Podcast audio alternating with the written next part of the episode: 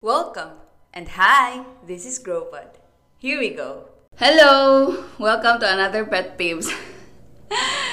More pet peeves na po tanaw kaya I can think of a new topic. Kay bati sad kaya akong mood lately ba. Grumpy ko ganang lisod itog, lisod naglisod ko sa akong tog. And I'm sure nga it has something to do sa akong food intake. Kay nag-intermittent fasting mo good ko and it's not very ideal. I know that it's not ideal sa ako ah, pero ako gyapon gibuhat. 'Di ba? Nag-intermittent fasting ra ko kay excessive akong kaon. So like I did it for two weeks only. And mo ni resulta. Naapektuhan akong mood and sleep. So, di good pa rin ako ng intermittent fasting. Pero it works sa uban ha. Magdepende na siya. So, if you guys wanna know about intermittent fasting, well, a lot of people are doing it. Depende na po na siya sa kada tao. Research na lang mo. Basta sa ako, I don't like my functionality. Basta mag-intermittent fasting ko. Mo nang puro ra pod ko reklamo these days and I would not do it frequently kay bati jud bati jud akong mood and akong tog so mo nang pet peeves na pud akong topic ron kay wa bawo akong functionality ani ako mahunaw-unahan nga topic giatay ka mabaw sa rason di ba I don't know if ako ra, pero di ko ganahan ng nine mangutana na ko bisag obvious na kayo ang tubag. Like, a lame and obvious question nga mag, obvious ra gani po ang tubag. You know, one time, nasipyat akong baker og timpla sa binangkal. So pagkakita na ko sa binangkal, ang yung itsura, loose pad, like unusual nga color. And ah, so akong gitilawan kay basin og lahi ra ang itsura pero same ra ang lasa. Basig naray kulang nga kanang timpla or food color baron. Unya that night, akong gipital, gipatilaw akong kuya kay para basin ba og kanang kuan kay basin paglahimig panglasa So, mao na nga, ako, ako siya gipatilaw niya, nasa iyang atubangan ng binangkal, no? And he knows unsay forma sa binangkal. And he can see nga I was reading a book. Iya dyan kong gidisturbo. Para lang mangutana og, mao ning binangkal ning. Di ba kasi di, ma, ano'y ana? Grabe. Klaro kaayong, kaila siya binangkal, obvious kaayo. Pangutana pa dyan, ambot na lang. Nasingkahan siya ako siya ato pagkahuman. Kay grabe ka annoying sa question. Niya iyang way pa dyan sa, sa tono. Kay ah but obvious na kayo ipangutana pa dyan another thing is kanang dili kahibaw mo ingon og palihog or please inig panugo like why though why do you have to be so demanding nangulang ra gani kag time og helping hand sa usa ka tawo you can't even say please tapos pinademanding po dyan kayo ang tono like, hello, who are you? Even kanang ako, kanang mukaon sa karinderya, then mudugang kintahe ko guys. I will always say no nga, ate, additional ko guys palihog. Like, ito nila ingon sa palihog or please nga word and you can't even say that. Demanding jud ka nga. Bao, di ko kasabot ang mga tao ngayon na. I mean, I would never want to work with a person like that. Next thing is, talking when your mouth is full. I mean, before I never really find it annoying, pero kay karon annoying na jud siya. Like can you talk after na lang og like can you talk after ug usap sa pagkaon? Kanang kanang nako magit ano nga mag-usap, mag nagstorya while nag-usap pa. Ako jud na siyang tutukan. Di ko mundang og tutok hangtod di siya mundang og storya. Kay ay ambot I wanna send him or her a message no nga it's not it's annoying nga nagstorya ka nga nakagiusap like let's pay respect na lang sa table and sa food ug sa atong mga dunggan like chill you can talk after and then gahapon lang gisabot ko isa ka adlaw gahapon kay saba kay akong palibot bisag asa ko mudong nga corner sa balay saba gyud main reason nga nagdorm ko nga ako ra usa sa Cebu is because di ko ganahan og saba. I want to be able to live nga hangin ra ako madungog, di ba ka exage oy or kanang tingog ras ulan ako madungog og akong mga kuskus. Maura ganahan ko nga like real peace, real silence. O gahapon, although kada adlaw jud pud sa, sa among bahay na dawat na nako, I have to deal with it every single day. Pero gahapon, lahi nga level yung pagkasaba. Nagtungan ang saba sa roller sa bakery ug slicer sa sliced bread tas na mga dagan sa motor ug sa kanan kay kanang nara sa highway among bay. Niyan apo yung mga batang gagmay nga aliwaros, you know how it is with kids. Magsinggit-singgit, magdagan-dagan, ya sa among balay. Di ka kasaway kung why mo. Like, bisag usa ka tao sa balay, di ka kasaway usa ka adlaw nga di ka kadungog og singgit. So, grabe ka, aliwaros alwaros kaya ko pamati gahapon gisapot kog maayo nga lami na lang jud isinggit kay basta saba na kayo mo stress ko nya mo labad akong ulon nga di ko kasabot mo as much as possible akong i-isolate akong self from the noise. Kay di mo jud kaya ng saba di pud ko ganahan og saba cute mo. Ako na lang jud ma-adjust. Usay maghuot na lang akong dughan no kay kanang akong ilo iloom ang akong emotion ba. Kanang ganahan ko mo singgit para muhilom sila pero muhilom na lang ko. Ako na lang iloob muna nga sa unsa na mong balay natural naturally saba na yun na. Even the world it's noisy. I have accepted that. I have to deal with that and then next thing some people pet peeve nila ng too much ang light bitaw but it's opposite from me I don't like to eat in the morning ngangit-ngit or natural lighting ray na ah I don't like to work out in the morning nga natural light ray na ah. Mag-on kog saga. I need more light. Pero I hate it pag mag-on na, sa usa ka adlaw or like mag-on siya bisag way gagamit. Ah uh -uh, no.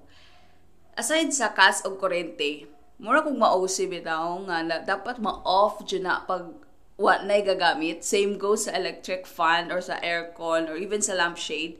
O kanang mga door nga open nga walay walay sud walay tao or like open doors. Ako dyan siyang mausi ko nga kinahanglan dyan ako. Mura ko kinahanglan dyan ako siya i-close or pagngon like inga na nga feeling and then kani na experience ni nako kanang manghulam mo gamit ba and if di ba kitay manghulam mo gamit kay nang hulam raman ta so ato dyan na siyang ampingan kay di man atong gamit. Pero, pero, nadyo'y uban nga bagag naong manguha mo gamit, unya, iniguli, guba. Okay ra kog dugay iuli. Okay ra jud kog dugay iuli kay para i-take ng time gamita lang ang gamit. Pero pag maguba ganina, lain na nang istorya. Nakoy badminton racket.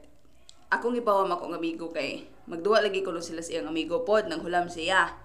Ang atay, Ni chat na ko nga naguba ko ang racket kay nalingkuran ko los papa sa iyang amigo. Ang akong pangutana, siya man akong gipahuwam. Nganong naabot sa iyang amigo, nganong papa sa iyang amigo ang nakalingkod. So iyang gipagunigtan sa iyang amigo akong racket nga siya akong gipahuwam. Like, ah? Naglisod ko papalit ni mama ato nga racket, no? Kay dagan na lagi ko racket na sayang. Nagpapalit ra ko para ko lingaw, makadua-dua ko niya mag, mag maguba ra sa laing tao, okay raw ako nakaguba. Laing tao pa jud. And hinuwa man ra. I mean, please, if it's not your thing, it's not your thing. Ang pingin like how you would take care sa imong kaugalingong gamit. At least, it's the least you can do sa owner, di ba? Have some mm, respect or decency nga magamping o iuli. Inga na lang, kasimple. Napayosa. When people sneeze or cough nga di tabunan ang baba. I mean bisag bata pa na bisag bata pa na mo atching or mo ubo sa akong atubangan tas mulagsik pa jud ng laway na di ko magduha-duhag pangasaba ng bata. I mean not in a way nga akong physical ha. Kasaba lang nga lecture ba nga na pasabton. And I'll let him know nga I'm mad. Para kahibaw jud siyang it's not good. Kay na kanang storya ka nako or kanang ugbo ka atubangan ako or mo atchi nga di magtabo ng baba niya piskan kog laway na. Di jud ko mag na di jud ko mag di jud ko magduha-duha. Mga saba jud ko again I don't know if ako ra pod ani but pag overrated na ang movie ba?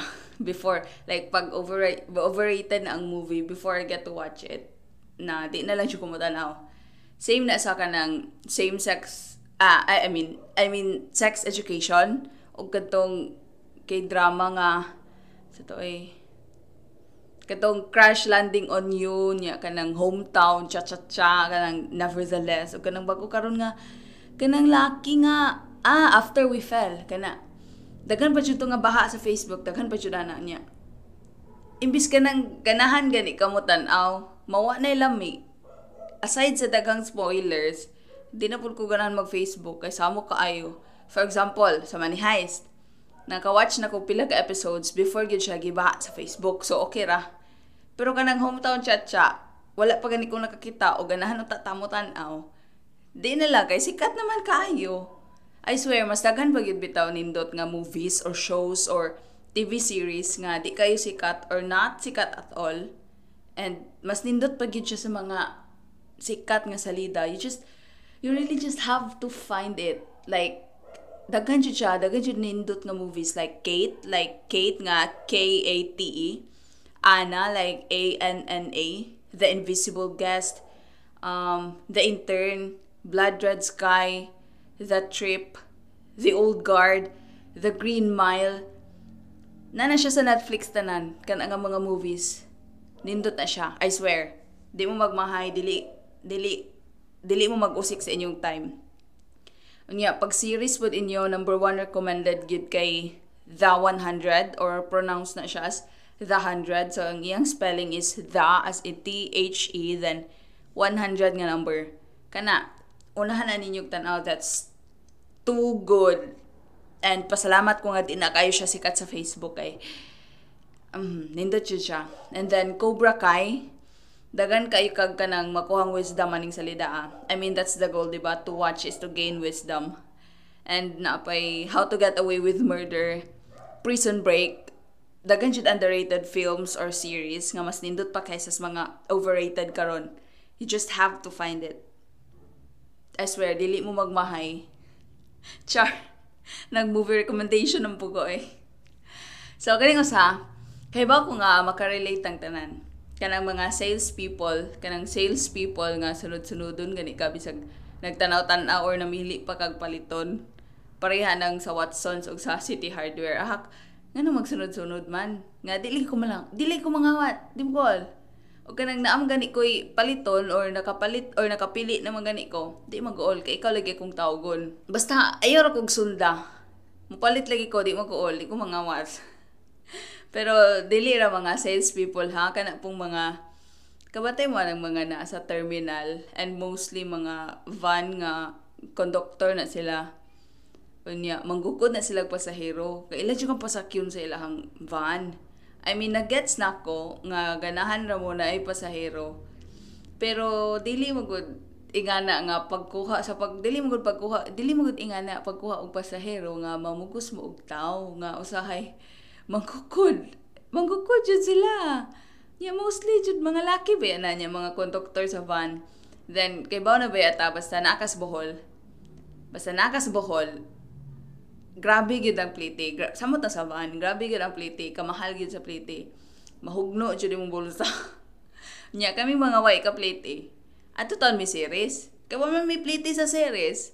Pero kung mo plite man mi barato ra pod unya usahay no basta mapungot nako di jud mo undang og gukod di mo undang og storya akong ingnon nang kanang magukod nako nga ari ra ko series ko ya kay wa ko plate ari unya unya mao na nga og makakita na sila nako ang uban. Magbalag-balik og lakaw unya magkakita na ako. Makailan na sa kong naong. Moingon og aw ayo na. Kay di na magvan sa series na. Igagaw na ni ma'am. O di ba? Ay nako. And lastly, 'di ba? As a human being, na siya tayo gialagaan nga personal space. So like when someone gets too close, di kita ganahan nga ma-invade atong personal space. So for example, naglingkod ako looking at my phone. Nga makalitrag na itanaw sa like makalitrag na itanaw sa akong phone niya. Di ba pag mutanaw ka sa phone, maduol gyud imong ulo or mag-touch ang skin. Like No.